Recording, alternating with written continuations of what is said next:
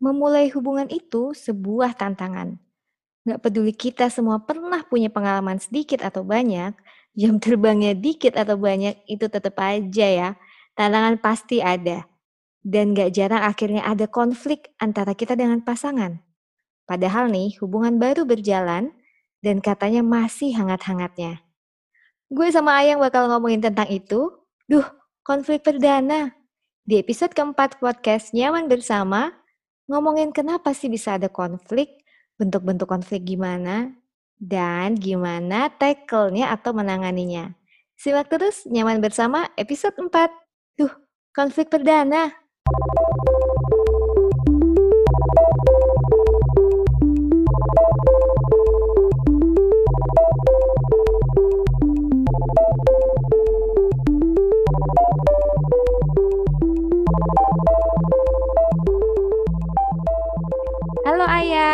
Hai guys, akhirnya kita ketemu lagi ya. Ayang apa kabar? Hai Andin, halo semua teman-teman, kabar baik, alhamdulillah. Uh, seneng banget, udah satu minggu berlalu, sekarang ketemu lagi di podcast Nyaman Bersama. Dan kita mau ngobrolin apa, Din, di hari ini? Jadi, ada yang cerita sama gue yang, dan ini gue mm -hmm. mau ceritain di sini boleh ya? Hmm, boleh sih. Nama samaran kan? Nama samaran. Oh, pasti ya. Dan gue juga okay. sekaligus mau ngomong nih buat teman-teman yang punya cerita di sana, jangan khawatir untuk cerita ke kami. Dan kalau memang mau dibahas gitu ya, nanti sampaikan aja ceritanya mau dibahas. Oke, jadi ceritanya gini yang ada teman gue nih, dia single dan kemudian uh, membina sebuah hubungan dengan seseorang yang sudah punya pengalaman sebelumnya, sudah bercerai gitu ya. Yeah. Nah, uh, tampaknya di awal sih baik-baik saja karena mereka memiliki banyak kesamaan gitu. Tapi di tengah jalan, di baru hubungan yang berjalan sekitar tiga minggu, tiba-tiba mereka berantem dan berantemnya hmm. itu cukup hmm. parah karena memang uh, mereka punya perbedaan gitu ya. Yang satu kan memang hmm. single ya, yang satu lagi kan pernah menikah gitu kan bercerai yeah. dan itu berantemnya luar biasa. Yeah. Bagaimana ngomongnya ya luar biasa? Ya mungkin menurut gue jadi kayak mereka sudah bahkan memikirkan ya udahlah kayaknya gue nggak cocok gitu loh. Mm-hmm. gitu. Nah sebenarnya nih yang apa sih yang bisa menyebabkan konflik pada pasangan yang baru pertama kali uh, berhubungan? Bukan pertama baru pertama kali ya maksudnya baru memulai hubungan gitu. Yeah, iya. Sebelumnya udah pernah berhubungan dengan yang lain terus ya, kemudian putus betul. sekarang menjalin hubungan yang baru lagi.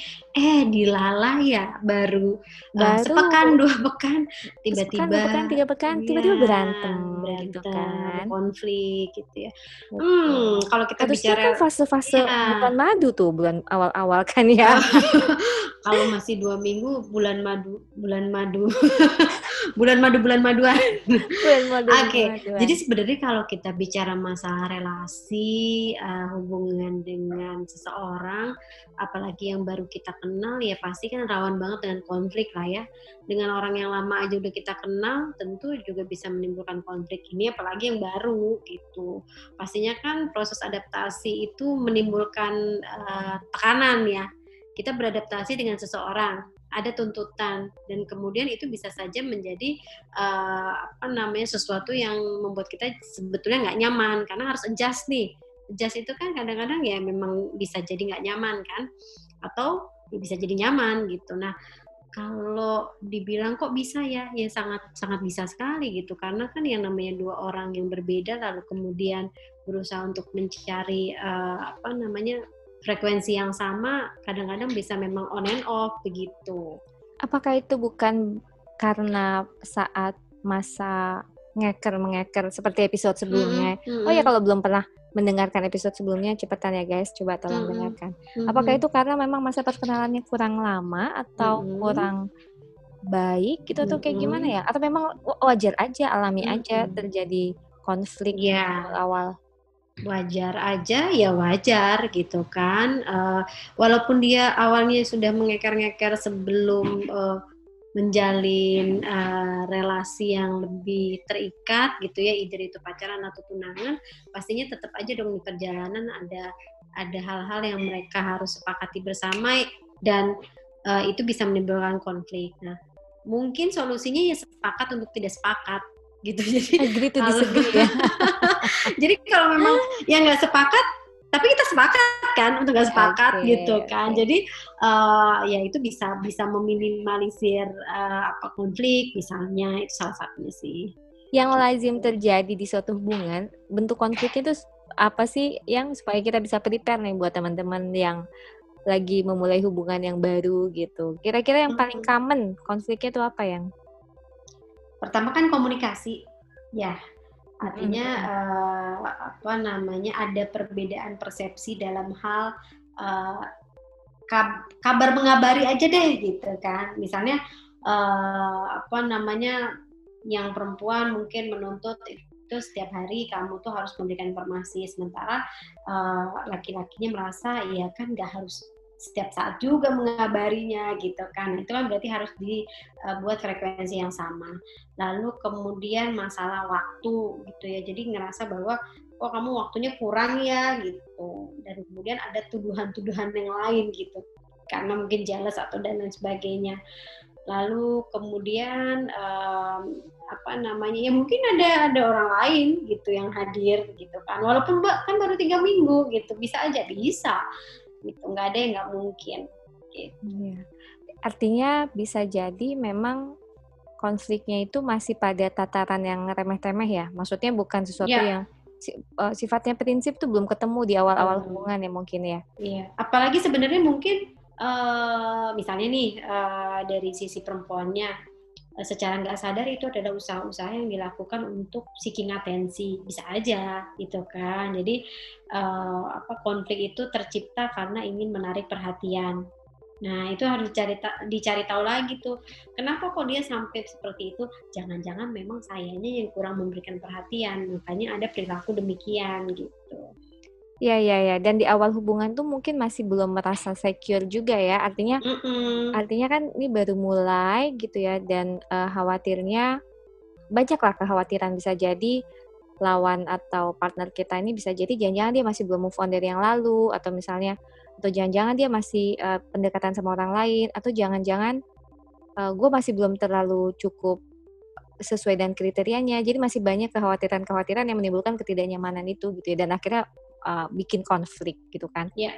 Yang walaupun sekali. menurut kita itu masalahnya sebenarnya nggak terlalu prinsip gitu ya karena mm -mm. masih yang tadi yang bilang kan soal jadwal memberikan kabar, kemudian uh, bentuk perhatian dan sebagainya. Oke. Okay. Mm -hmm. Itu tadi kan kita udah ngomongin sebabnya tuh salah satunya bisa jadi seeking attention gitu atau misalnya mm -hmm. insecure gitu kan. Mm -hmm. Untuk tackle-nya gimana ya? Mm -hmm. Oke, okay, untuk menekel itu ya sebenarnya ya kedua pihak ini kan harus berkomunikasi dong gitu. Jadi e, menyampaikan apa yang sebenarnya menjadi ganjelan gitu. Jadi apa sih yang sebenarnya diinginkan, apa sebenarnya yang dikehendaki, lalu e, men mencari waktu atau timing yang tepat untuk berbicara. Jadi jangan sampai salah satunya itu memendam rasa tidak nyamannya sendirian dan misalnya selama ini dia tuh menyampaikannya dengan beragam kode yang ternyata kodenya tidak terbaca jadi guring-guringan sendiri gitu. Jadi kalau aku sih merasa bahwa berkomunikasi itu mengungkapkan apa yang dipikir dipikirin dipikiran gitu ya itu menjadi hal yang utama sih gitu. Sebentar sebentar eh, sebentar ya. Kayaknya gue -hmm. mendengarkan ada suara dari teman-teman kita juga yang bilang kok kayaknya gampang banget yang Mm-mm. Semuanya kan gak segampang itu gitu loh. Betul. Maksudnya uh, melakukannya pasti akan sangat sulit. Gue harus memulainya gimana ketika misalnya berhadapan dengan konflik, terus tahapannya gimana gitu. Mm-hmm. Gue ya, ngomong kayaknya gue mm-hmm. gengsi juga atau misalnya gue malah. Nah itu dia tuh. Gimana? Karena karena merasa gengsi ya kan maksudnya ya kalau sudah berada dalam satu hubungan artinya sebetulnya gengsinya udahnya seharusnya sudah tidak besar lagi dong gitu. Artinya berarti ini kan harusnya mencari frekuensi yang sama. Jadi ya sekarang pilihannya gini, menahan perasaan, jadi uring-uringan sendiri, lalu muncul konflik, atau e, membuang sedikit gengsi, tapi mulai bicara dan pelan-pelan jadi bisa saling memahami, pilihannya kan itu. Begitu. Dan itu sekaligus ujian juga ya kalau memang mm -hmm. kalau serius sama orang ini kenapa nggak mm -hmm. kenapa nggak sedikit berkorban sebenarnya juga nggak pas disebut berkorban lah artinya nggak berkorban juga sih belajar sih. belajar. Kalau ya gitu. kalau gue sih lebih lebih cenderung mengatakan Betul. bahwa uh, proses pembelajaran dalam sebuah hubungan. Sampai akhirnya kalian akan menyadari ya memang harusnya begini saling saling melengkapi. Dan bisa juga uh, sepakat untuk tidak sepakat. Ya udah kadang-kadang kita dalam hubungan kadang-kadang emang gue tuh nggak sepakat aja gitu sama dia. Tapi ya udah itu ya sepakatnya udah. begitu dan bisa dipaksain harus sama ya harus sepakat kita kan lahir juga udah punya perbedaan yang sangat-sangat kembar aja berbeda gitu kan. Betul. kan masa lo yang tiba-tiba baru ketemu terus memaksakan semuanya mm -hmm. selama itu sepakat atau sepakat menurut gue juga nggak ada masalah kan ya dalam mm -hmm. suatu hubungan yes, dan, dan siapa yang yang semestinya membuka uh, apa namanya ketegangan itu ketika konflik. Artinya mm -hmm. nih, misalnya nih, gue membayangkan ya, mm -hmm. lo lo punya konflik dengan pasangan, terus habis itu gimana? Kita pasti tiba-tiba mungkin diem-dieman atau mungkin kita mm. marah-marahan. Bisa jadi kan uh, entah itu ngomel-ngomel atau gimana ya. Uh, yeah. Jadi malah ngambek-ngambekan atau diem-dieman. Nah, mm -mm. gimana caranya mm -mm. memutus kediman atau misalnya memutus Kediaman uh, tuh lucu juga kediaman. tuh bahasanya. kediaman, kedinginan.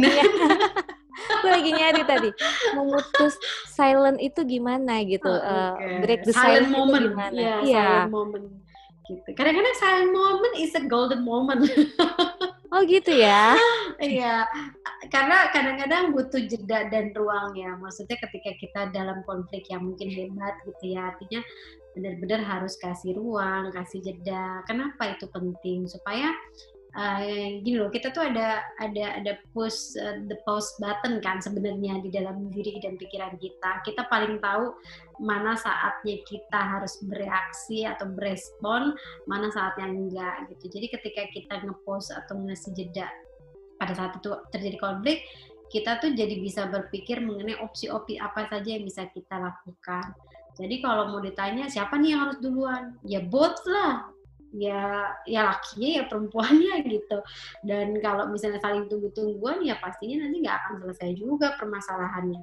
Nah, Jadi mengenali kalau, momen yang uh -uh. tepat nih kapan ya? Maksudnya gue takutnya ketika gue mulai misalnya gue mau minta maaf atau gue minta uh, untuk mendiskusikan, takutnya di partnernya malah belum siap gitu. Mm -mm. Mengetahui si partnernya itu sudah siap, gimana? Iya, kalau misalnya berada dalam satu tempat yang sama, tentu kan kita bisa melihat dari gerakan-gerakannya ya, dari sikapnya, gerakannya, apa penampakannya dia lah gitu ya. Walaupun misalnya mungkin kita hanya melirik-melirik dikit gitu ya sambil memantau behaviornya kita sebenarnya jadi bisa menilai oh dia lagi lagi uh, oke nih untuk diajak bicara.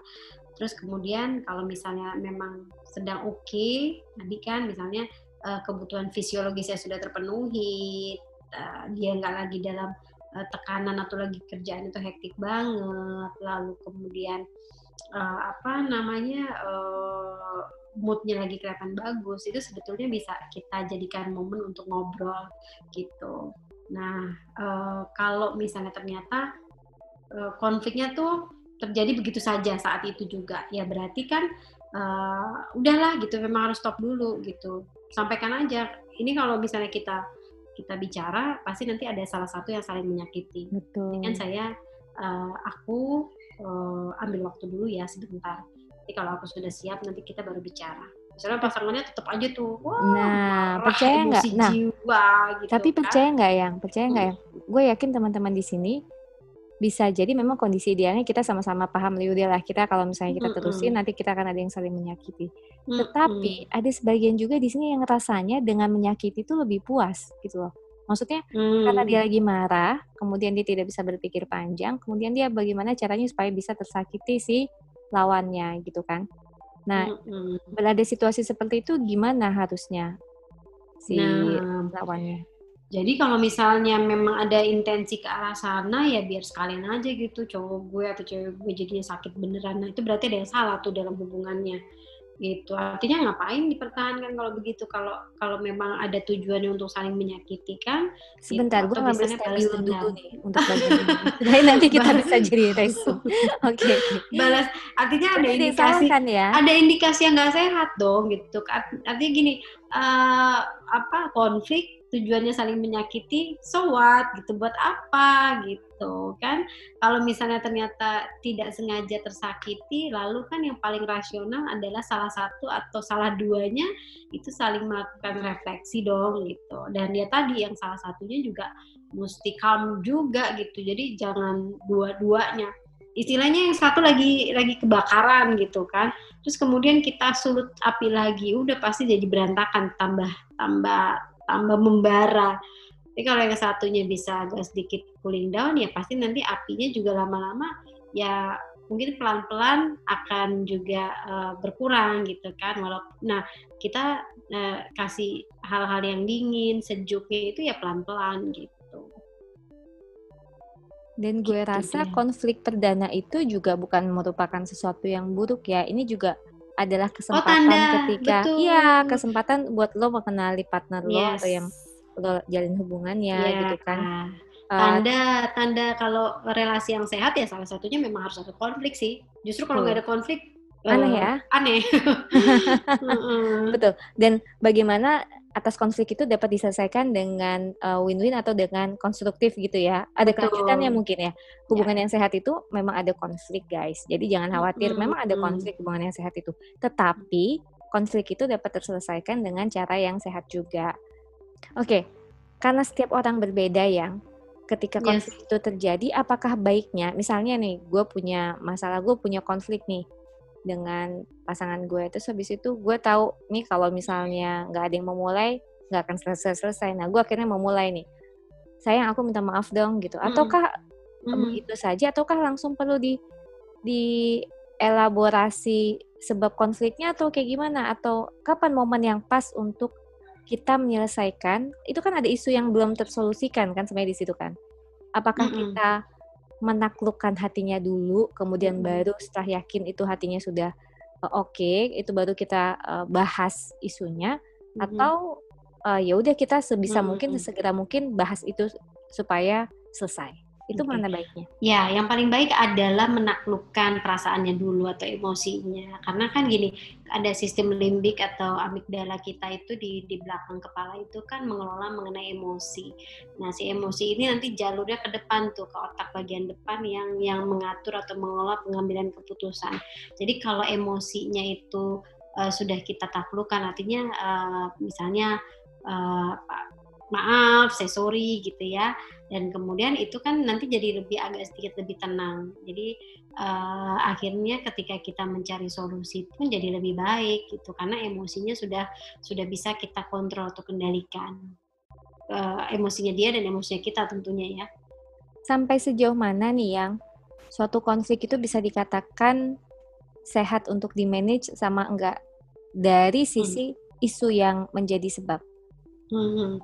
Oke, okay. kalau relasi atau konflik yang nggak sehat, tentu yang pertama pastinya salah satu atau salah duanya itu merasa terluka secara emosional, kan? Jadi terluka emosional itu apa sih menyebabkan perasaan sedih yang mendalam, khawatir, takut, berlebihan ya. Terus kemudian juga bisa juga mempengaruhi fisiologisnya ya. Mungkin dia jadi migrain mungkin asam lambungnya meningkat. Nah itu kita rasa rasain aja gitu. Kalau misalnya hubungan ini udah nggak sehat atau toksik ya pasti kan ada tanda-tanda atau alarm tubuh yang harus kita perhatikan. Dan sementara kalau yang memang konflik yang sehat di mana keduanya ini mampu untuk mencari solusi dari dari permasalahan tersebut gitu. Nah itu yang perlu untuk dipahami sih gitu. Jadi tidak ada saling menyakiti. Bisa nggak sih konflik itu diciptakan kalau sepanjang gue ada di tempat kerja itu kan memang beberapa konflik sengaja diciptakan untuk misalnya memunculkan kreativitas atau misalnya meningkatkan teamwork. Nah, sementara kalau di suatu hubungan ini apakah konflik itu perlu dicipta, diciptakan atau justru malah jangan sampai diciptakan, biarkan itu berjalan dengan alami. Menurut hmm. lo gimana yang? Uh, konflik itu biarkan saja ya artinya berjalan berjalan dengan uh, apa adanya gitu. Jadi tanpa harus didesain pun sebetulnya konflik itu sangat-sangat berpotensi sekali akan terjadi ketika uh, dua orang menjalin hubungan gitu. Jadi um, by the time kalaupun ternyata secara alami itu muncul konflik ya secara alami juga keduanya belajar berusaha untuk menyesuaikan diri dan mencari solusi gitu. Jadi nggak perlu diciptakan. Nggak perlu diciptakan gitu. kan ya. Nah kalau misalnya nih gue gue mikirnya nih gue pengen tahu nih orang karena misalnya gue mau mencari pasangan untuk jangka panjang misalnya dan gue harus mengetahui bagaimana orang ini dalam berespons atas suatu isu atau beberapa isu gitu dan kemudian gue create konflik itu itu mm-hmm. masih dalam kategori sehat atau sebaiknya ya jangan karena memang dalam suatu hubungan ya jangan sampai yang lo bilang tadi yang yeah. jangan sampai mengcreate konflik gitu biarkan mm-hmm. konflik itu terjadi karena secara alami gitu bagian mm-hmm. dari penyesuaian diri gimana mm-hmm. ya tujuannya apa dia ciptakan konflik itu? Ya, beberapa orang ingin mentes pasangan nih mungkin ya. Atau mungkin ingin mencari suatu kualitas yang sebisa mungkin ditemukan tanpa melalui masa yang panjang. Misalnya nih, gue pengen tahu nih orang ini sabaran nggak sih? Atau misalnya dia ada potensi untuk melakukan KDRT nggak sih gitu misalnya. Terus gue ciptakan konflik misalnya. Terus uh, apakah itu masih kategorinya sehat? ataukah ya sudah nggak usah gitu alami saja konflik gitu hmm. gimana yang ya uh, kalau menurut aku sih uh, biarkan saja konflik itu muncul secara alami gitu artinya um, pasti akan terjadi kok. Gitu nggak mungkin lah sebuah hubungan itu nggak ada konflik.